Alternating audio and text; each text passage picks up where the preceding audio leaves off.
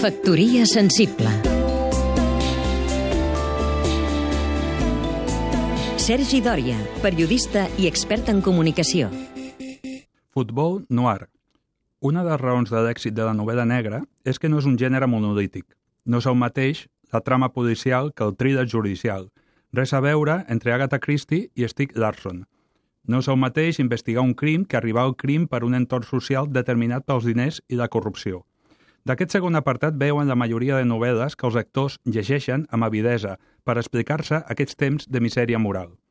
Entre els subgèneres, noir, emergeix el d'ambient esportiu, que ja va intuir Vázquez Montalbán fa dècades amb el seu davanter centre assassinat. Ara, quan els clubs són multinacionals d'emocions dirigides pel capitalisme global, no és estrany que Philip Kerr hagi canviat el Berlín nazi per l'Arsenal. La seva novel·la Mercado de Invierno amb oligarques russos i dels Emirats Àrabs, treu el fiambre d'un entrenador clavat a Mourinho i porta venuts 10.000 exemplars. Pel que fa a la novel·la autòctona, Ferran Torrent arrenca un dinar un dia qualsevol amb la investigació d'un periodista veterà sobre la crisi del València Club de Futbol i la venda dels terrenys de Mestalla.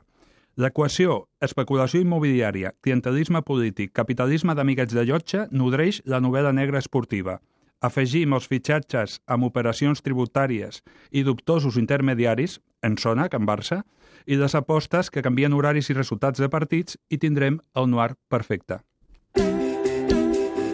Factoria sensible Seguim-nos també a catradio.cat